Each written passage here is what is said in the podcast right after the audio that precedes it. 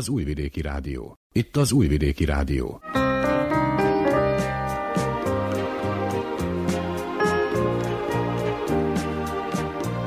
Egészségügyi mozaik. Zórát Cservenyák Anetta köszönti az Újvidéki Rádió egészségügyi műsorának hallgatóit. Az egészségügyi mozaikban szó lesz arról, hogy a véradás kiemelten fontos az egészségügyi ellátás zavartalan működése érdekében. A Magyar Kanizsai Vöröskereszt titkára számol be a jelenlegi adatokról. Beszámolunk még arról is, hogy az Élelmiszerbiztonság Világnapja idén az élelmiszer szabványok jelentőségére hívja fel a figyelmet. Ezek az előírások mindenek előtt a fogyasztók egészségét szolgálják. Élelmiszerbiztonsági szakmérnökkel beszélgettünk valamint táplálkozási szakember számol be arról, hogy a fogyasztóknak mire kell odafigyelniük egészségük megőrzése érdekében, amikor élelmiszert vásárolnak. Arról is hallhatnak, hogy nyáron az UV-sugárzás jellemzően erősebb, mint az év többi időszakában, tehát ilyenkor fokozottan oda kell figyelnünk harcbőrünk védelmére. Szólunk még arról a törvénymódosítási javaslatról is, amely alapján minden olyan elhunyt szervdonornak minősül majd, aki nem nyilatkozott másként. Emellett megismerhetik egy szabadkai nő történetét, aki az őssejt transplantációnak köszönhetően sikeresen leküzdötte a leukémiát, idén már a hatodik születésnapját ünnepli. Ennyi a kínálatból, ha felkeltettük érdeklődésüket, tartsanak velünk. Hukicsevics Mihályló zenei szerkesztő és Daniel Manojlovics műszaki munkatárs nevében tartalmas időtöltést kívánok.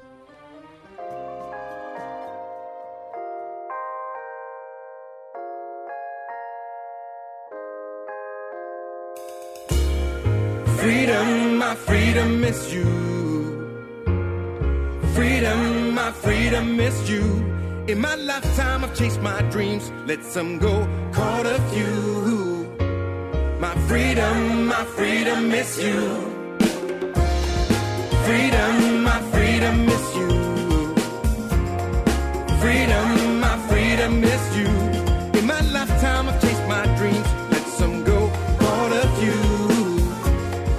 Freedom, my freedom miss you.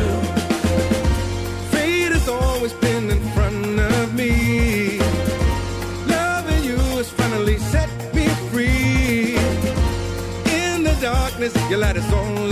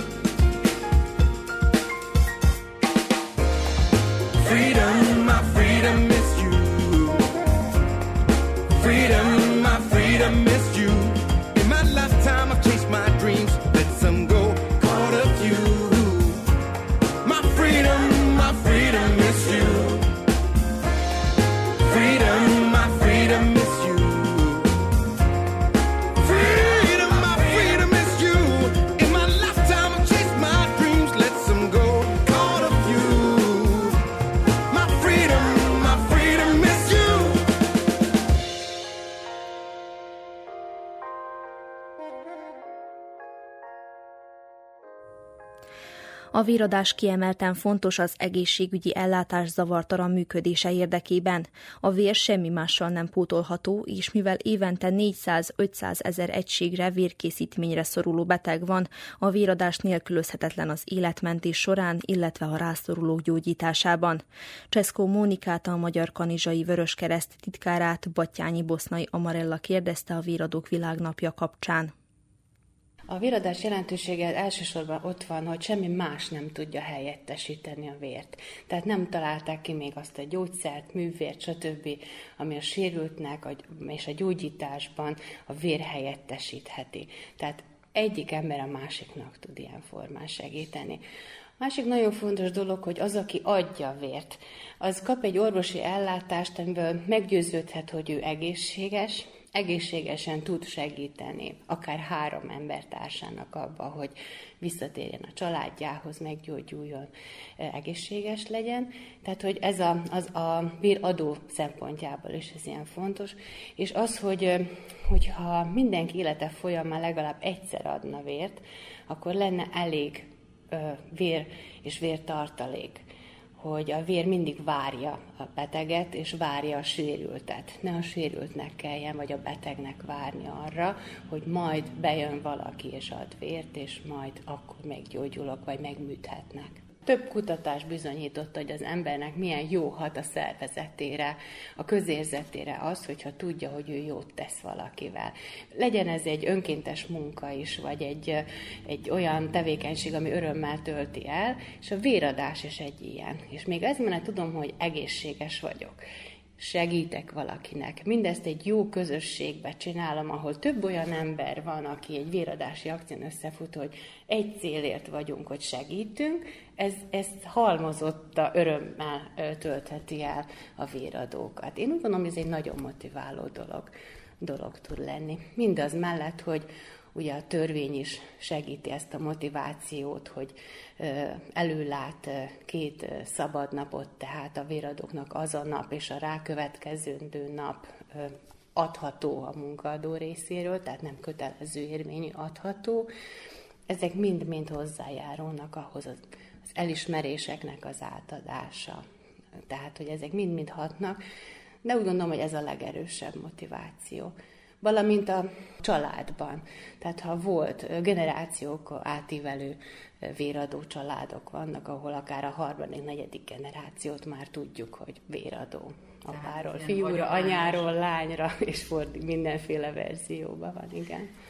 Még azért én úgy tapasztalom, hogy gyakran halljuk azt, hogy félnek a véradástól, tehát akik még nem szánták rá magukat, vagy szeretnének, hogyan tudnánk mindezek mellett motiválni ez tény és való, hogy a Vörös Kereszt szintjén is de történtek kutatások a világban, és egyre gyakrabban jelentkezik az, hogy a tűtől magától félnek. Ehhez azt tudom javasolni, hogy akinek ilyen gondja van, hogy fél attól, hogy vért vesznek tőle, vagy, vagy megszúrják, hogy minden véradáson ezt mondja el, ott vannak az orvosok, a technikusok, a Vöröskeresztnek az önkéntese, és nagyon szívesen segítenek ebbe a, ennek a lelki gátnak az elhárításába, hogy akár fogjuk a kezét végig. Volt ilyen példa is fiatal önkénteseknél, hogy ott ültünk vele végig, biztattuk, segítettük, beszélgettünk előtte vele, de hogy mindenféleképpen, hogyha megjelenik és elindul ez a fajta kommunikáció, nagyon sokat tud segíteni a közösség ott a maga a véradási akció. Tehát aránylag könnyen leküzdhető ez a félelem. Azt nem mondom, hogy könnyen, de lehet dolgozni rajta. Tehát ha nem is első alkalomra, másodikra, de hogy, hogy el kell indulni, az az első lépés, megtenni az első lépést. Aki rászánja magát, és tudja, hogy mikor van a véradási akció, fontos, hogy reggelizzen. Nagyon gyakran összekeverik az egészségügyi vérvétellel a véradást, ahol ugye amikor megyünk a laboratórium, vagy az egészségi állapotunkat vizsgálják, akkor az, hogy nem reggelizünk. Itt reggelizünk, már egészségesek vagyunk, és egészséges ember reggelizik. Tehát egy könnyű reggelit fogyasszunk el, eleget aludjunk előtte, tehát hogy legyen meg az a 6-8 óra pihentető alvás a véradás előtt, a személyigazolványát hozza magával, elmegy a véradási akciónak a helyszínére. Ott mindegyik alkalommal kapni fog egy kérdőívet, amit ő maga kell, hogy kitöltsön, és válaszolnia az egészségügyi állapotára vonatkozóan. Két oldalnyi kérdés van, ez körülbelül egy 5-10 perc időbe telik, még ő ezt megválaszolja, aláírja, majd megszúrják az ujját, ugye, és egy gyors teszten megállapítják a vércsoportját, amit majd később még analizálnak, de elsőre egy ilyen ideglenes vércsoporttesztet, és a, a vas mennyiségét a vérben, tehát hogy az elége, és következő lépés az orvosi vizsgálat, ahol a, az orvossal a véradó jelölt átnézik ezt a kérdőívet, átbeszélik, hogy mi van ott kitöltve, mire, mely kérdésre hogy válaszolt, tehát átbeszélik az ő egészségügyi állapotát, és ha minden rendben van, akkor következik a véradás, amikor megszúrják vénába, ugye, és egy négy és fél deci vért vesznek le tőle, ami egy felnőtt, egészséges embernek gyorsan vissza fog jönni. Fontos utána, hogy a véradás után sok folyadékot fogyasszon, és hogy pihenjen. És mi a helyzet mondjuk rá így a korona után körülbelül három évben? annak távlatában, ugye, hogy az, hát, hogy nagyon mhm. rányomta a bélyegét erre a területre is. Most mit tapasztal? Volt egy visszaesés ott mondjuk az elmúlt évben, tehát alapvetően az egészségügyi állapot a véradóknak, akik átestek a betegségen, akár szövődményekkel, tehát kellett idő, hogy visszatérjenek. Az orvosi vizsgálatok is sokkal szigorúbbak lettek, tehát hogy tényleg csak egészséges ember adhat vért, nagyon szűrik a, az egészségügyi dolgozók a véradókat, de most talán úgy látjuk, hogy lassan, lassan visszatér az, az, hogy az a fajta számok, amiket várunk, és akciónként megjelennek, akik tudnak, és elegendőt tudunk egyelőre biztosítani vérmennyiségből. És most itt emlegettük azokat a szokványos számokat, akik megjelennek. Milyenek a mutatók itt Magyar Kanizsán? Hát elsőre úgy hogy, hogy fú, de kevés, mert nem ehhez szoktunk. De ahhoz, hogy a lakosság elvándorolt jelentős része, az átlag életkor is nagyban növekedett, nagyon sok polgártársunk külföldön dolgozik, tehát itt van nyilván tartva, de határon túl dolgozik, tehát napi szinten ingázik és akciónként az a 20-30-40 személy megjelenik egy-egy eseményen. Tehát tavaly azt a 700 egységnyi vért biztosítottuk 2022-ben. A község területén ez egy szép szám, és tehát elértük azt a, azt a 3 százaléknyi ami azt mondják, hogy még egy humános közösségnek ennyit teljesítenie kell, úgyhogy tartjuk még magunkat. Én nagyon bízok, hogy amikor kijönnek majd a valós számok, a, hogy hányan vagyunk a községben, hogy ez egy kicsit szebb lesz. És a korcsoportot tekintve a véradók helyzete milyen? És itt gondolok külön tekintettel a fiatalokra. Hát 18 éves kortól lehet adni vért.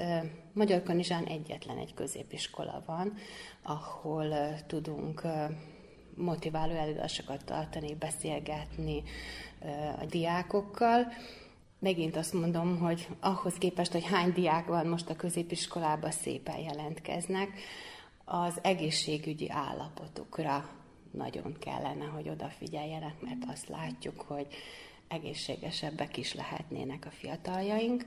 Ami a fiataloknál még másik jellemző, az a tetoválások, tehát minden egyes tetoválás után fél évig nem adhat vért és minden tűszúrás után, tehát mindegy, hogy piercing vagy tetoválás, fél évet várni kell. És szoktam mindig mondani a focistát példának a fiataloknak, akinek nincs egyetlen egy tetoválása sem, hogy azért nem csinált, mert hogy rendszeres véradó a Cristiano Ronaldo, igen. Ilyen hősökkel próbáljuk egy kicsit őket motiválni, hogy akár így is lehet. Valamint a táplálkozásuk és a kockázatos szexuális viselkedés, ami, ami megint egy olyan tényező, hogy ez a teszten kiderül, és akkor bizony megint csak oda kell figyelni és vigyázni. Tehát, hogy preventív munkával, fiatalokkal nagyon sok dolgunk lenne. Nagyon sokat kellene beszélgetni velük, hogy hogyan lehetnének egészségesek, mert hogy nem csak, hogy egészséges véradókra van szükségünk, hanem egészséges anyukákra és apukákra is szükségünk lesz. Úgy gondolom, hogy a fiataljaink nagyon sok mindent tudnak, nagyon sok mindent látnak, de a rengeteg sok információba elvesznek, és hogy segíteni nekik a valós információkhoz eljutni, hogy hogyan tudná a saját egészségét megvigyázni. Úgy egyértelműen azt jelenti, hogy a családban, mint első számú közösségben nem kapják meg, és intézményes keretek között kellene, vagy? Hát azt tudjuk, hogy a kamasznak nem a család az első információs. Itt van az internet, itt vannak a, a mindenféle oldalak, ahol rengeteg információ van a kortársak között. Ezt tudjuk, hogy itt kortársak között megy a leg, legnagyobb információcsere, igyekszünk mi is olyan kortársoktatókat képezni, akik részt tudnak venni ezeken a képzéseken. Bízunk abba, hogy majd jó felé megyünk. És mennyi az önkéntes véradó pillanatnyilag Magyar Kanizsa községben? Magyar Kanizsa községben egy 400 aktív véradó van, akik körülbelül hát évente egyszer, vagy akár minden három havonta, vagy négy havonta jönnek, ez változó, de 400-at tartunk számon aktív véradóként. És milyen gyakran vannak akciók? Éves szinten tavaly 36 akciót terveztünk, 2023-ban 33 akció van tervezve az egész község területén. A tervet a Szabadkai Transfúziós Szolgálattal közösen állítjuk össze, helyi közösségekbe, iskolákba, intézményekbe vannak a véradási akciók. És nem kellett még soha olyan akciót szerveznünk, hogy egy különlegesen, tehát hogy egy terven kívül itt, mivel amit megterveztünk, azon az akciókon eleget tudtunk biztosítani.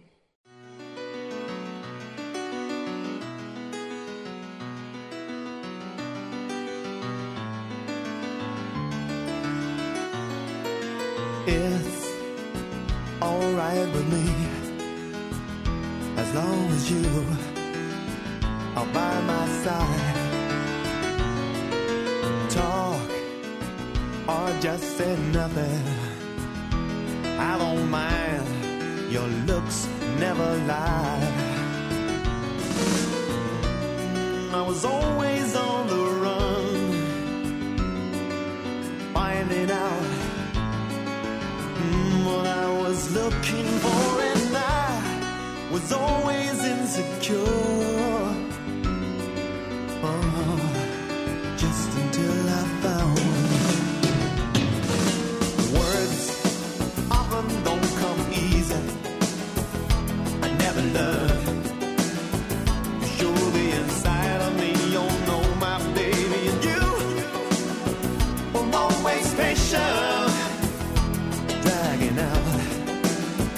I try to hide.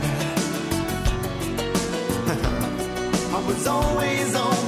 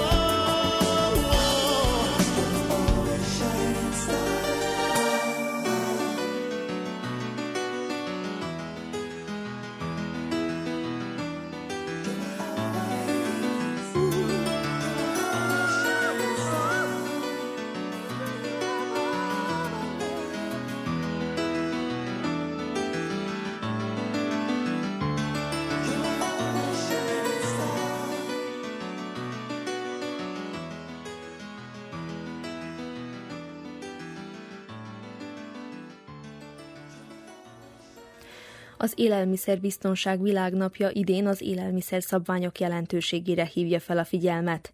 Ezek az előírások mindenek előtt a fogyasztók egészségét szolgálják, hiszen segítenek abban, hogy az elfogyasztott táplálék ne okozhasson meg betegedéseket.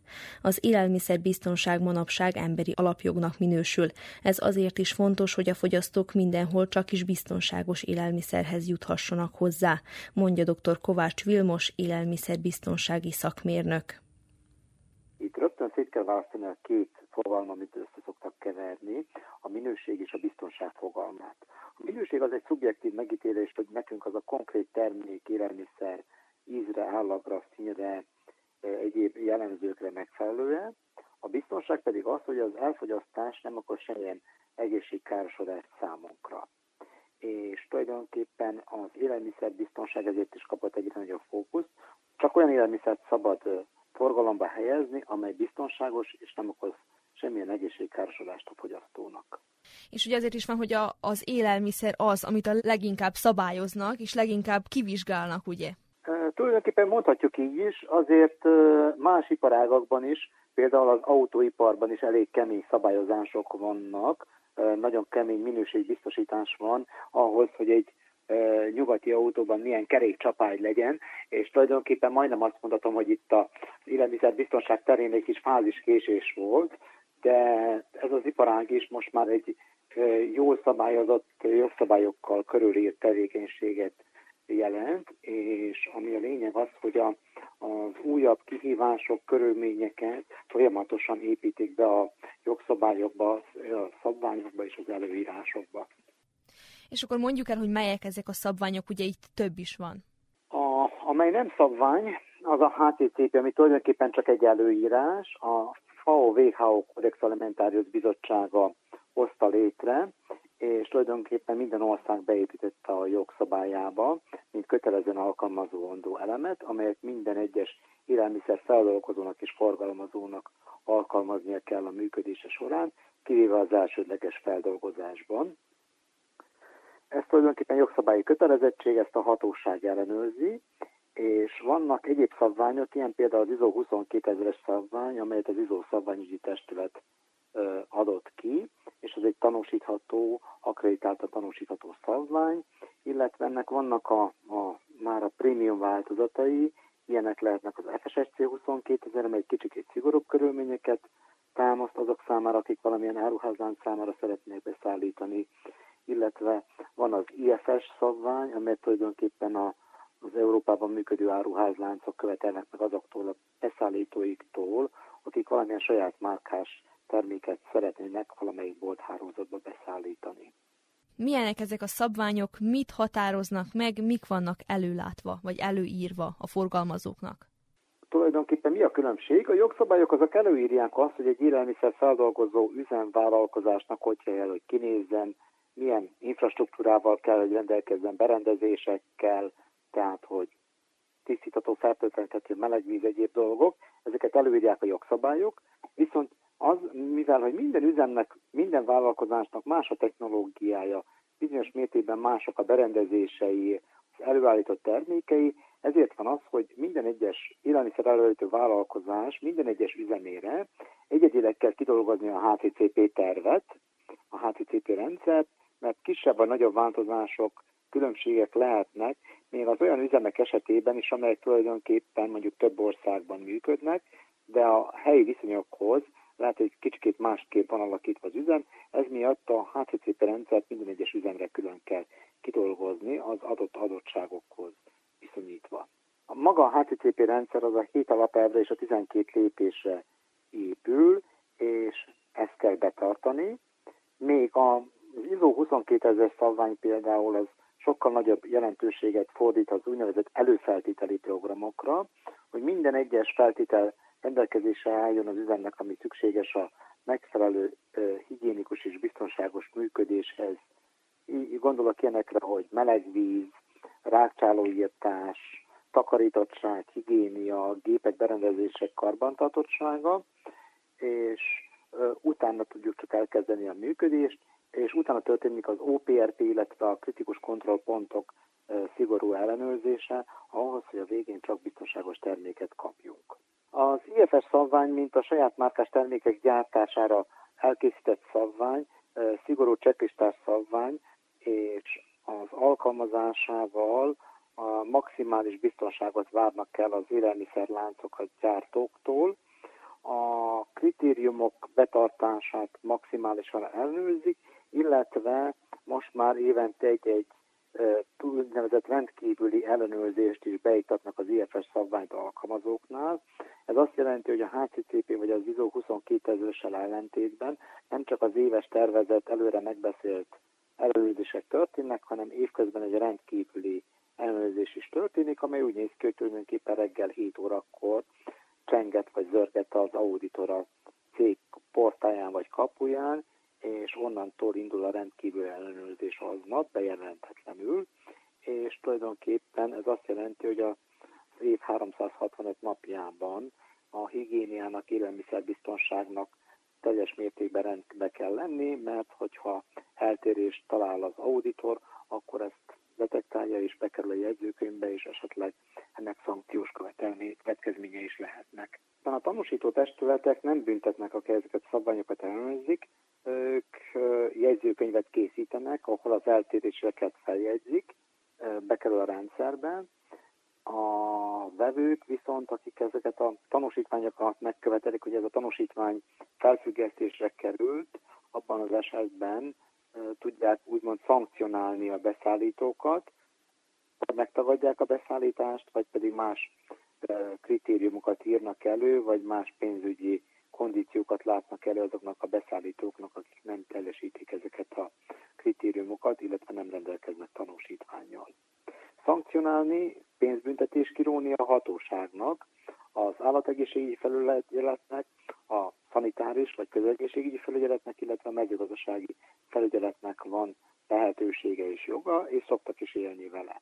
Az élelmiszer biztonságot ellenőrző hatóságok egy kockázatbestést végeznek, és az alapján besorolják az élelmiszer vállalkozásokat, hogy milyen kockázati kategóriába esnek, hogy romlandó terméket állítanak el, könnyen romlandó terméket állítanak elő, amelynek néhány napos a szavatossága, vagy pedig egy tartós terméket állítanak elő, illetve hogy milyen állapotban van maga az üzem, az infrastruktúra és a, a berendezések, illetve hogy volt-e már a korábbiakban valamilyen élelmiszerbiztonságot vagy higiéniát érintő eltérés. Ez alapján egy kockázatfestési besorolást kap, és ez alapján dönt el a hatóság, hogy milyen sűrűn fogja ellenőrizni, esetleg rendel el rendszeresebb vagy sűrűbben végzendő laborvizsgálatot is a vásárlók hogyan figyelhetnek oda ezekre, vagy, vagy a vásárlók mit tehetnek, amikor ö, szabálysértéssel találkoznak mondjuk egy, egy élelmiszer üzletláncban?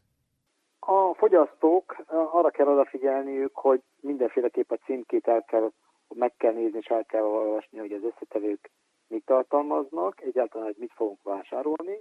Amire oda tudunk figyelni, hogy a szavatosság ideje az rendben legyen, legyen lejárva a szavatosság ideje, ez amit meg tudunk magunk állapítani, illetve arra kell odafigyelnünk, hogy a csomagoláson ne legyenek olyan külsérelmi nyomok, hogy koszos legyen a csomagolás, sérült legyen, szakadt, vagy újra ragasztott, vagy újra lezárt termékről legyen szó, akkor kezdjünk el gyanakodni, hogy ez a termékkel valami nincs rendben.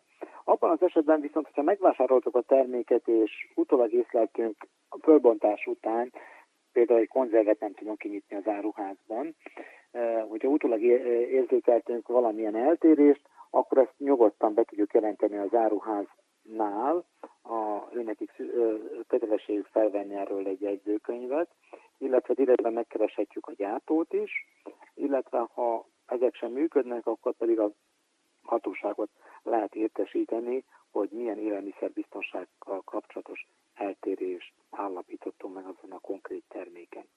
Az élelmiszerbiztonság betartása azért fontos, hogy bennünk fogyasztókban semmilyen élelmiszerbiztonsággal kapcsolatos károsodás ne okozzon.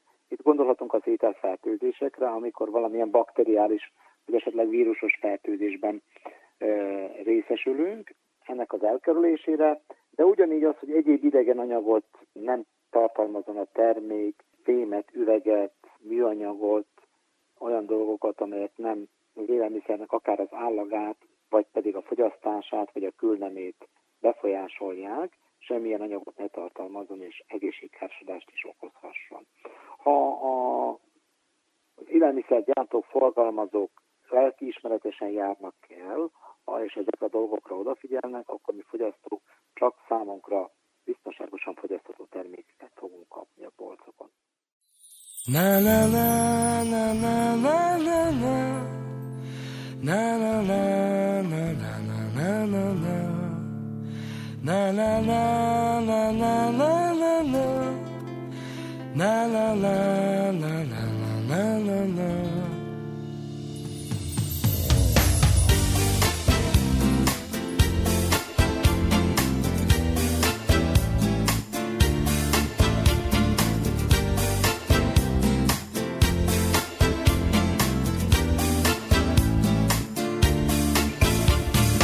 Húszal ezelőtt érkeztem, és azt mondták, hogy ez az a hely, ahol mindent sikerült megnéznem.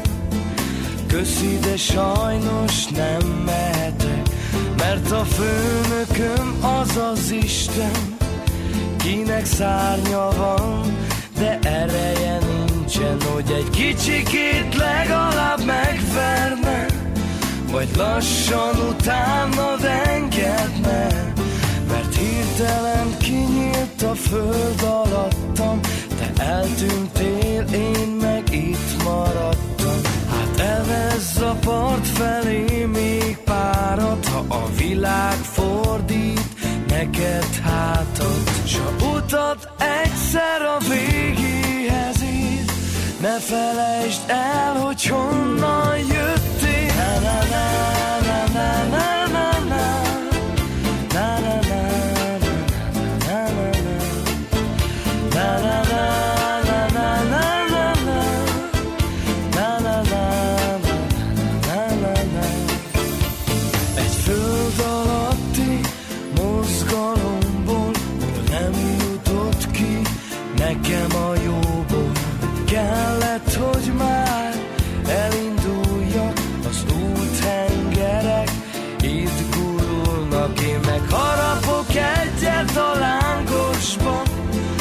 Szekér háton a városban de láttatok-e már oly gyönyörű bájt? Mit nem okozhat öt gigabájt? Neked öt gigabájt nekem öt libamáj jaj a szívem úgy nagyon fáj. De én sem próbálhattam kétszer te megteheted ha visszanézel. S a utat egyszer a végéhez ér ne felejtsd el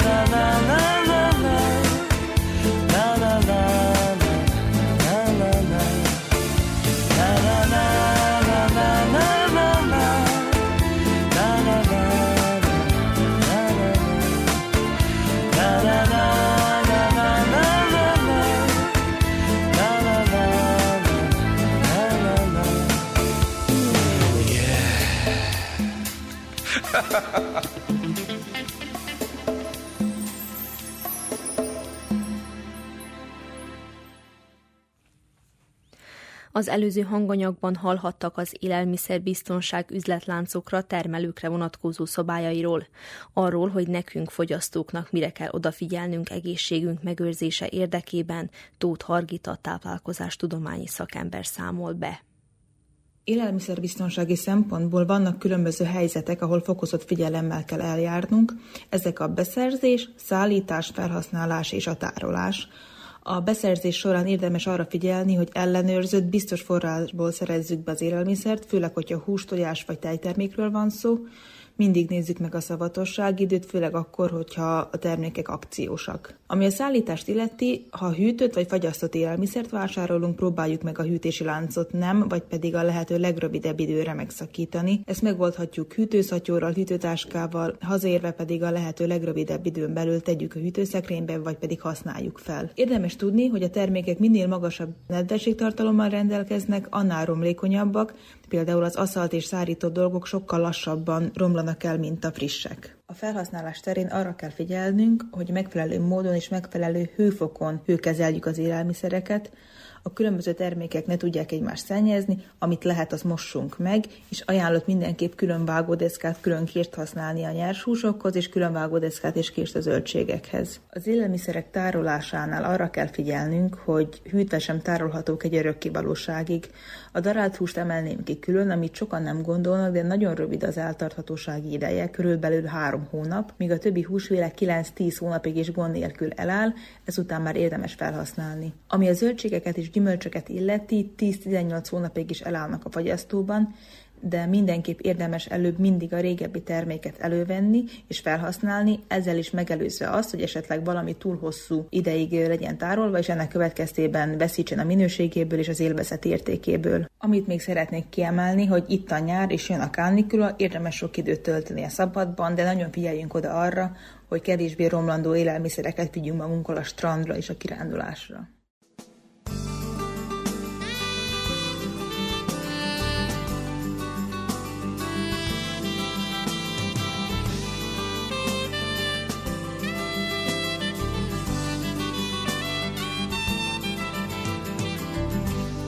Már itt vagyunk, ne csak némán néz.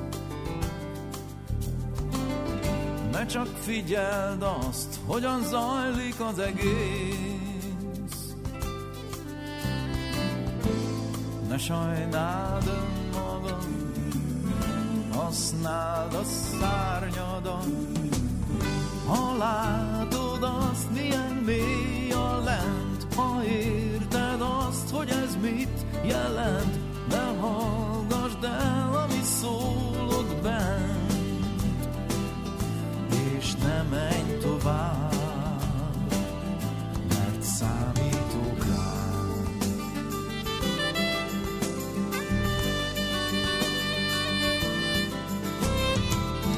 Hogyha halkul már a régi kesergő, már itt vagyunk, ahol fordul az idő, s a vékony jég alatt mélyre úsznak a nagy halak, tudjuk a némait bölcs marad, s elkopnak sorra a jó szavak, gyanúsnak hisszük az újakat.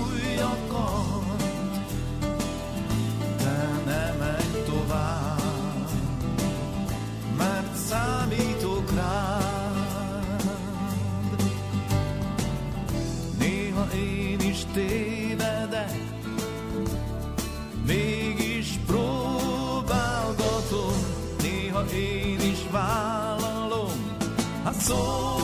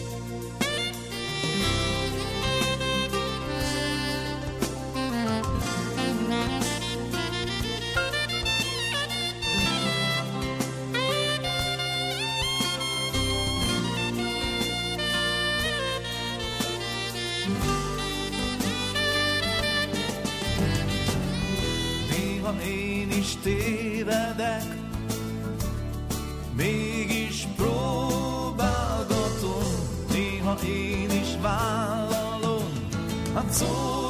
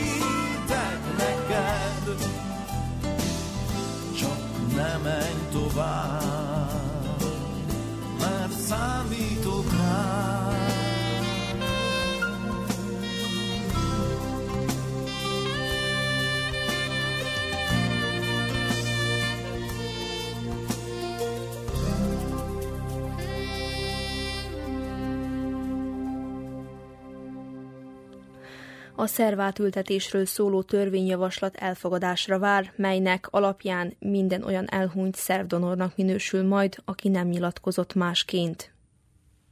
Szerbiában tavaly 725 páciens várt vese átültetésre, bár az illetékesek szerint a járvány miatt jelentős várólista alakult ki. A páciensek azt mondják, hogy ez a korábbi években sem volt másként. Szerbia kormánya elfogadta az emberi szervek átültetéséről, valamint az emberi sejtekről és szövetekről szóló törvény módosításait, és elfogadásra továbbította azokat Szerbia közgyűléséhez. Ezek a törvények szabályozzák a szervek és szövetek átültetésének módját és feltételeit. A téma azután vált aktuálisá, hogy bejelentették, hogy minden olyan elhunyt szervdonornak minősül majd, aki nem nyilatkozott korábban másként. Az emberi szervek átültetéséről szóló törvény módosítási tervezetének hatáselemzésében az emberi szervátültetés területén nyomon követett információk is mellékelve vannak ezek pedig a már megvalósult emberi szerv adományozók száma, az átültetett emberi szervek száma és az emberi szervátültetésre várakozó betegek száma. 2011 és 2019 között évente átlagosan 20-40 donor szerveit tudták szakemberek átültetni a szervre váró páciensekbe, ez a szám azonban a járvány kitörésekor drasztikusan évi háromra csökkent, amit a hivatalos jelentés a bizonytalan járványügyi helyzettel magyaráz.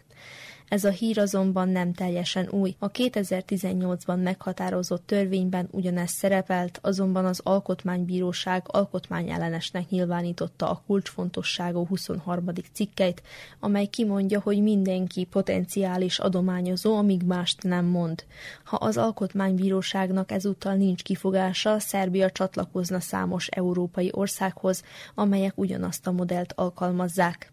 Ezekben az országokban van a legtöbb donor és a legtöbb szervátültetés által megmentett élet. A lista élén Spanyolország áll, ahol egy millió lakosra évente körülbelül 40 donor jut. Horvátország, Portugália és Izland esetében pedig mintegy 30 donor jut egy millió lakosra. Szerbiában 3-6 donor jut 1 millió lakosra, ami nem elég ahhoz, hogy az országot felvegyék a 8 országot tömörítő eurotranszplantba, amely lehetővé teszi a szükséges szervek gyorsabb elérését. Danica Lukic, a köztársasági egészségbiztosítási alap illetékes vezetője szerint Szerbiában mintegy ezer beteg vár szervre májtranszplantációra körülbelül 90-en, szívátültetésre pedig csak nem 40-en szorulnak. Kevés a donor, ez jelenti a legnagyobb gondot. A jövőben nem csak a szerbiai klinikai központban végezhetnek átültetést, hanem a dedinyei és a kamenicai szív- és érrendszeri intézetben is. Máj és vesetranszplantációra a Katonai Egészségügyi Akadémiának, valamint a szerbiai klinikai központnak is lesz joga. A tüdő átültetés kérdése még megoldásra vár, ám a technológia hiánya miatt egyenlőre nem lehet megvalósítani ezeket a terveket.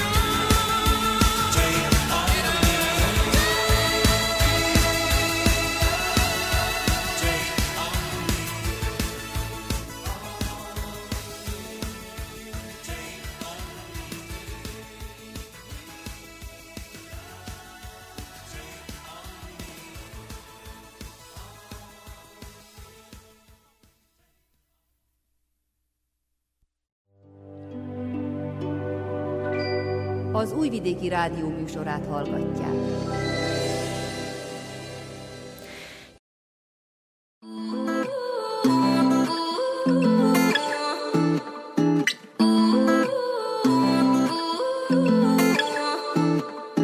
You say you love me, I say you crazy. We're nothing more than friends. You're not my lover, more like a brother. I know you since we were like 10. Yeah, don't mess it up, talking that shit. Only gonna push me away, that's it. When you say you love me, that made me crazy. Here we go again. Don't go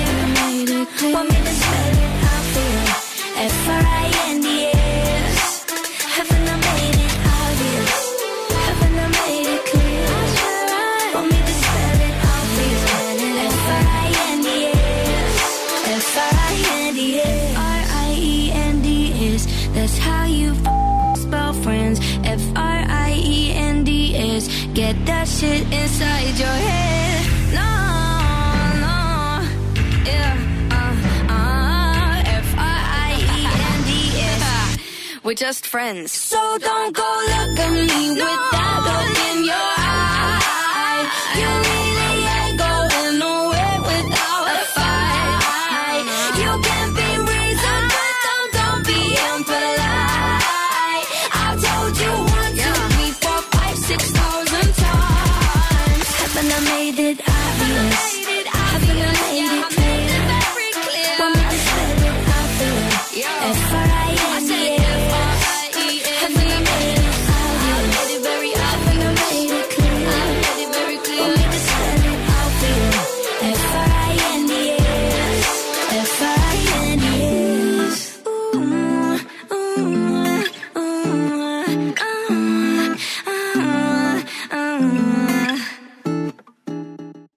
Nyáron az UV-sugárzás jellemzően erősebb, mint az év többi időszakában, tehát ilyenkor fokozottan oda kell figyelnünk arcbőrünk védelmére.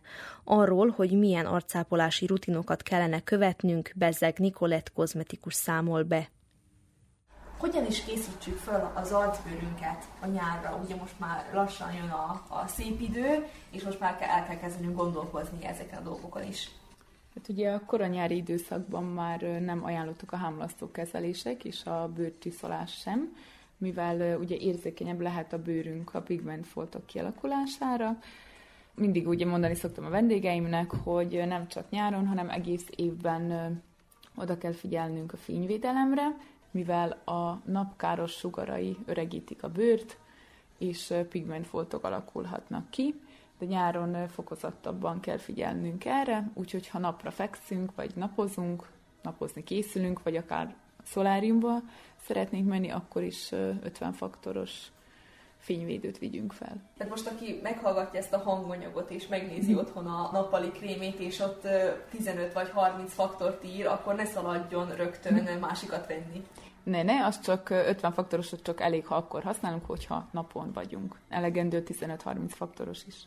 Hogy néz ki egy ilyen arckezelés nálad, amikor mondjuk eljön a vendég, mivel kezded?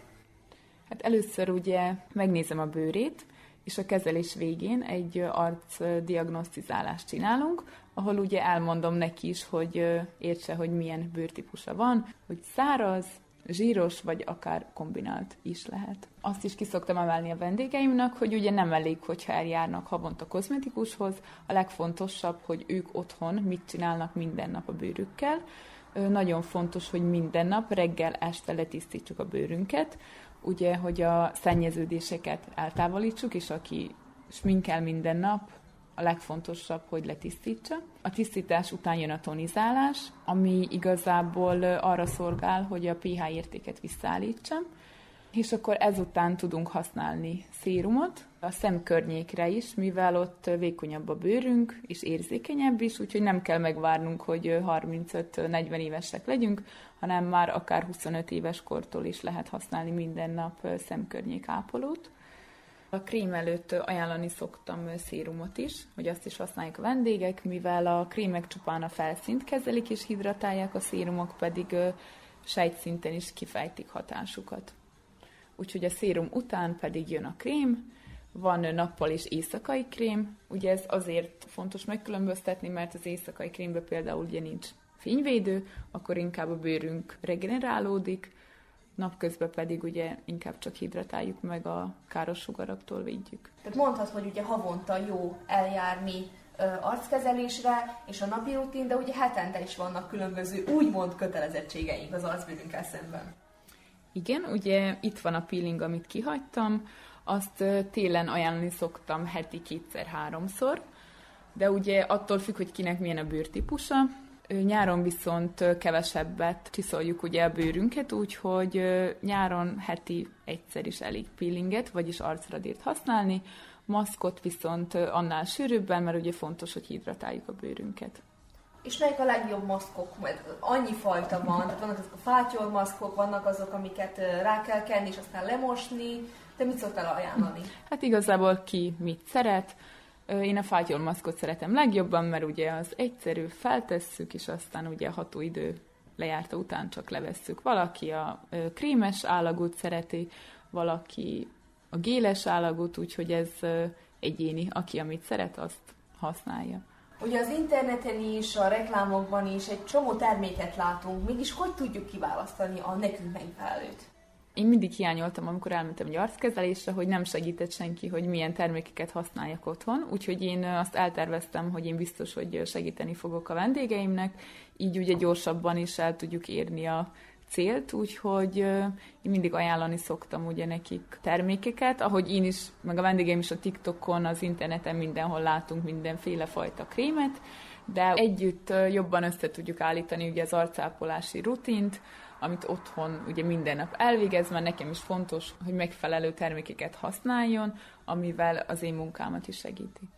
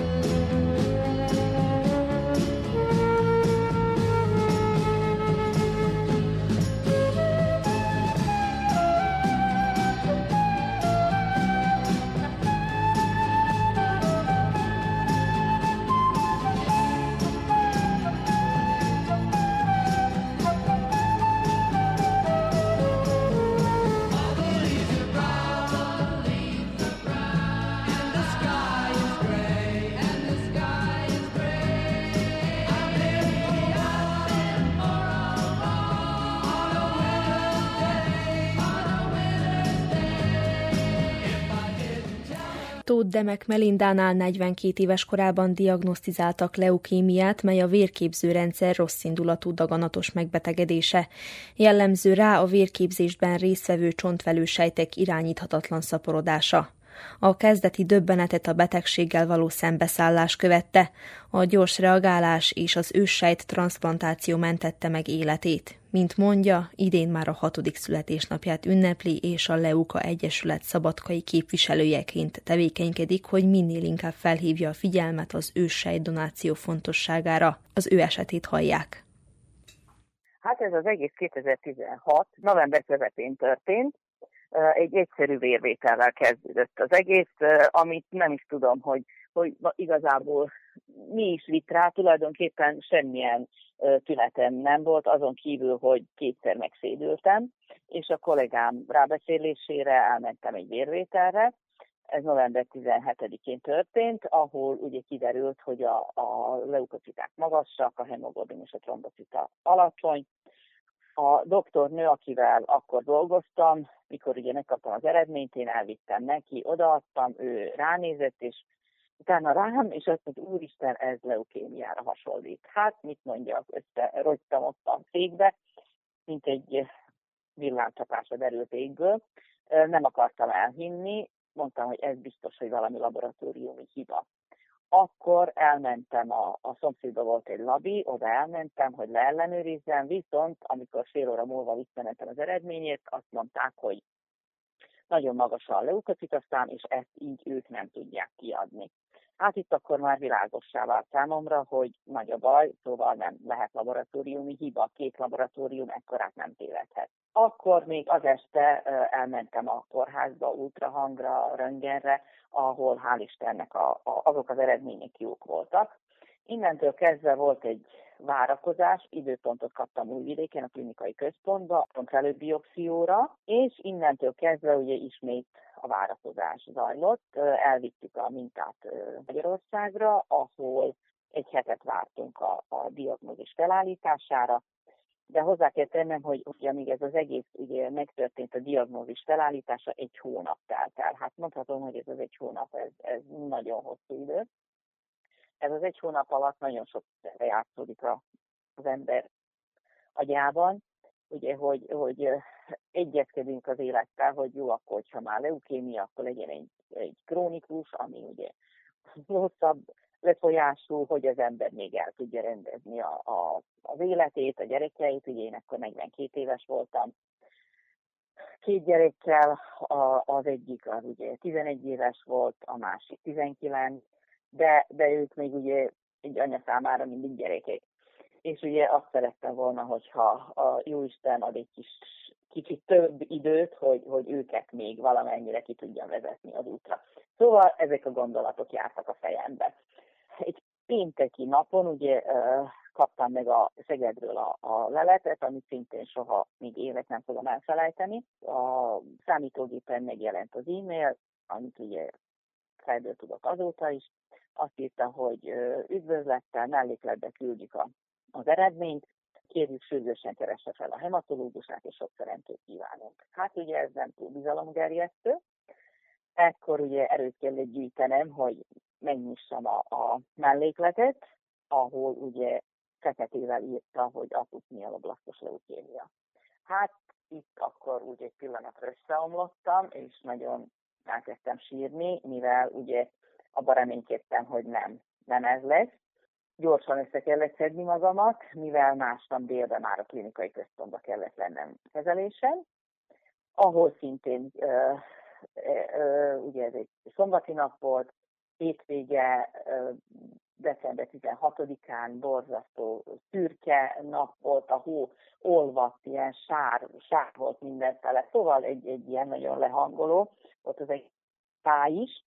Én befeküdtem a kórházba, beraktak egy szobába egy nénivel, akkor, aki ugye haldoklott. Hát nagyon nehéz volt pszichikailag ezt mind ö, átélni. Akkor két napot ö, nagyon sokat sírtam, és akkor jött egy ilyen pillanat, amikor a doktornő hétfőn azt mondta, hogy hogyha szeretném, akkor küldenek pszichológust, aki, aki segít ezt mind feldolgozni, és valahol én nekem itt volt egy ilyen változás, amikor én azt mondtam, mindig azt mondom, amikor ilyen valami problémás időszak van az életemben, hogy leülök a Melindával, és akkor megbeszéljük, hogy hogy és mint menjen tovább. Akkor is ez történt, leültem a Melindával, és akkor innentől kezdve megbeszéltük, hogy akkor tudjuk, hogy mi ellen fogunk harcolni, és fölhúztuk a kesztyűt, és harcolunk. Karácsony napján kezdték el a terápiát adni. Az első ciklus az, az úgy néz ki, hogy 7 napon keresztül 0-24-be folyik a kemó. Itt az első ciklus alatt nagyon sok komplikáció lépett fel, tüdőgyulladás, influenza, mellhátgyulladás, herpes. A szervezet az nagyon rosszul reagált erre az egészre, de végül hál' Istennek sikerült ezt mind túlélnem. Még két terápia követte ezt, de viszont akkor már tudtuk, hogy az ötén megfelelő donor lesz, és hogy transplantációt fognak végrehajtani, ami ugye egy hatalmas nagy szerencse, mivel ugye a, a védes testvér csak 25%-ba felelhet meg, úgyhogy én hálát adok a jó Istennek azóta is minden nap, hogy nekem ez megadatott, hogy az öcsém lehetett a donorom, és azért tűztem ki célul azt, hogy, hogy a, a, az ősrejt regisztrációról fogok beszélni, mert nagyon sok embernek ez nem adatik meg. Eleve az, hogy van édes testvére, a másik pedig az, hogy meg, megfeleljen. És ezek az emberek is ugye szeretnének élni, és valahol én úgy érzem, hogy nekem ez a küldetésem, hogy erről beszéljek, hogy minél több emberhez az információ elérjen, és hogy minél többen regisztráljanak. Szerbiában most per pillanat 14 ezer körül jár már a regisztrált donoroknak a száma, ami, ami szerintem egy, egy nagy, nagy szám, de még mindig nem elég, mivel a bázisban legalább olyan 100 ezernek kellene lenni, hogy, hogy azt mondjuk, hogy ez egy megfelelő szám Szerbia szinten. Donor az lehet minden egészséges személy 18 és 45 év között, az a lényeg, hogy nem lehet különböző autoimmun megbetegedés, ne adj Isten rossz indulatú megbetegedés, epilepsia, szóval azok, azok az egyének nem jelentkezhet meg donornak. A regisztráció alkalmával csak egy a vért vesznek ki, két millilitert, amit aztán elküldenek Belgrádba, a transfúziós intézetbe, ahol egy ilyen HLA tipizációt végeznek, ami alapján ugye a donor bekerül a nemzetközi nyilvántartóba, és innentől kezdve az ő dolga csak az, hogy várjon, várjon, várjon. Sajnos nagyon kicsi az esélye, hogy, hogy hívni fogják, hogy valakinek itt a, az ő HLA tipizációja felel meg, de hát ugye azért a célunk az, hogy minél több ember legyen a regiszterbe, hogy minél nagyobb legyen a, a választás, ugye a, a, a, az esély a beteg számára, hogy találnak neki megfelelő donort. Amennyiben ugye ez a telefon megfelel, és azt mondják, hogy igen, megfelel valakinek, akkor a donort ugye kivizsgálják, vérvételek, ultrahang, fogászat, a donornak maximálisan egészségesnek kell lenni. Innentől kezdve 5 napon keresztül kap egy injekciót szubkután, karba, utána rákapcsolják egy úgynevezett szeparátor nevű gépre, ahol a, az a gép az ős sejteit tulajdonképpen kivonja a vérkeringésből, a, maga a transzplant, a, a, az őssejtlevételt nem úgy kell elképzelni, mint ugye régen volt, hogy csontvelő transplantáció, szóval a csontvelőt vették ki. Itt minden most véren keresztül zajlik, szóval nincs, nincs a csontot nem bántják, úgyhogy azért egyszerű ez az egész procedúra, viszont a betegnek rengeteget jelent, mert így kap egy esélyt egy normális életre. Sokan félnek ettől, ugye, amit mondod, hogy régebben a csontvelőt vették ki, és ugye most már azért, hogyha vérből megy, akkor, akkor az emberek sokkal könnyebben vagy szabadabban adják rá magukat, hogy esetleg donorok legyenek. Igen, igen, erről csak beszélni kell, szóval nagyon sokan felteszik nekem is ezt a kérdést, hogy akkor nem a csontvelőt transplantálják.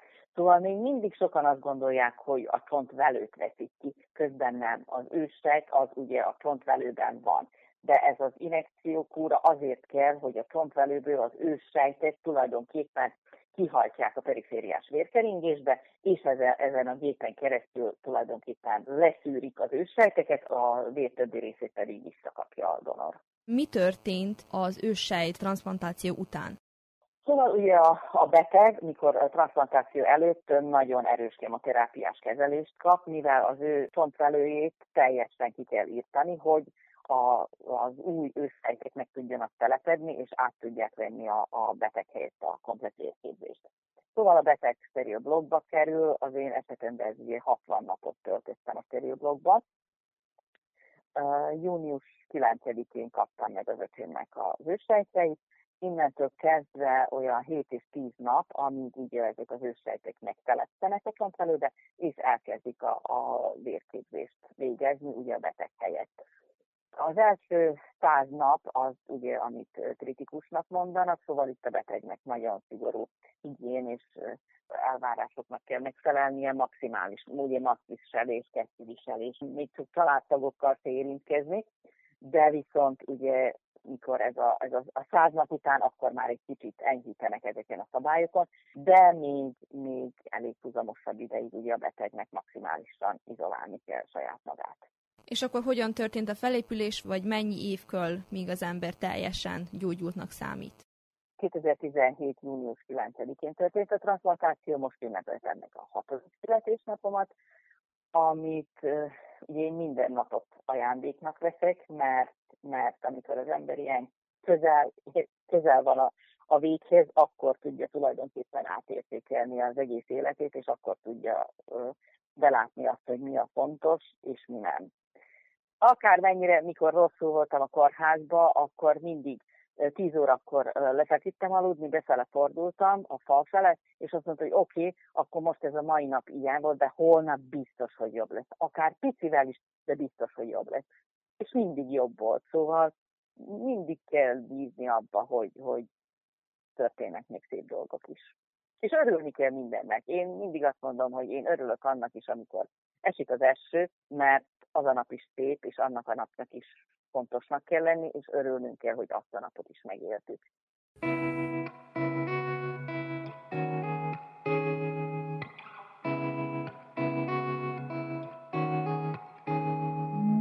Have you ever wondered why sometimes you give and pay the price? Have you ever wondered why some people live, some people die? Have you ever wondered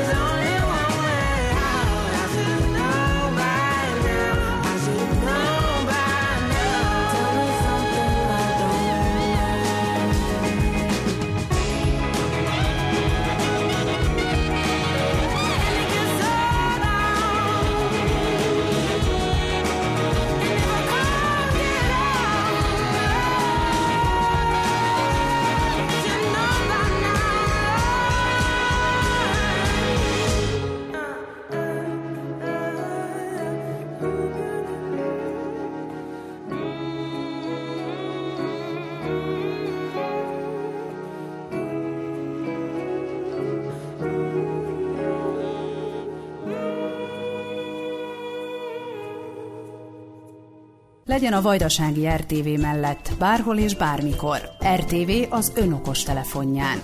Értesüljön azonnal a legfontosabb hírekről. Nézze és hallgassa műsorainkat, amikor önnek megfelel. Tájékozódjon műsorkínálatunkról. A Vajdasági RTV mindenhol és mindenkor önnel. Az Android alkalmazás az rtv.rs honlapon érhető el. Kedves hallgatóink, Önök az Újvidéki Rádió egészségügyi műsorát hallották, amelynek első órájában szó volt arról, hogy a véradás kiemelten fontos az egészségügyi ellátás zavartalan működése érdekében. A Magyar Kanizsai Vöröskereszt titkára számolt be a jelenlegi adatokról. Beszámoltunk még arról is, hogy az Élelmiszerbiztonság Világnapja idén az élelmiszer szabványok jelentőségére hívja fel a figyelmet. Ezek az előírások mindenek előtt a fogyasztók egészségét szolgálják. Élelmiszerbiztonsági szakmérnökkel beszélgettünk valamint táplálkozási szakember számolt be arról, hogy a fogyasztónak mire kell odafigyelniük egészségük megőrzése érdekében, amikor élelmiszert vásárolnak. Arról is hallhattak, hogy nyáron az UV-sugárzás jellemzően erősebb, mint az év többi időszakában, tehát ilyenkor fokozottan oda kell figyelnünk arcbőrünk védelmére. Szó volt még arról a törvénymódosítási javaslatról is, mely alapján minden olyan elhunyt szervdonornak minősül majd, aki nem nyilatkozott másként. Emellett megismerhették egy szabadkai nő történetét, aki az őssejt transplantációnak köszönhetően sikeresen leküzdötte a leukémiát, idén már a hatodik születésnapját ünnepli. Vukicevics Mihályló zenei szerkesztő és Daniel Manojlovics műszaki munkatárs nevében Zórát Cservenyák Anetta köszöni meg hallgatóink figyelmét. Műsorunk visszahallgatható a www.rtv.rs per hu honlapon a médiatárban az egészségügyi mozaik cím alatt. Az egészségügyi műsorral a jövő héten is a szokásos időben csütörtökön délelőtt a 10 és az esti ismétlésben a 8 órai hírek után jelentkezünk. További szép napot és jó rádiózást kívánok! ранок.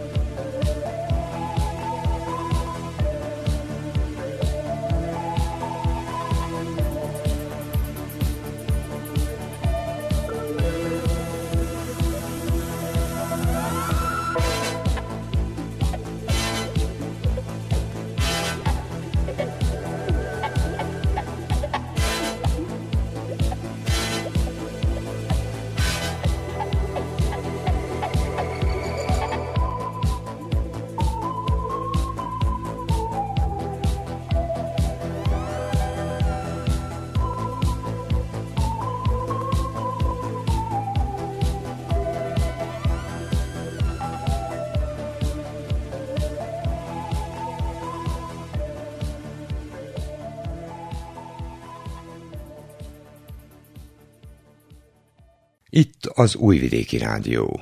Itt az Újvidéki Rádió.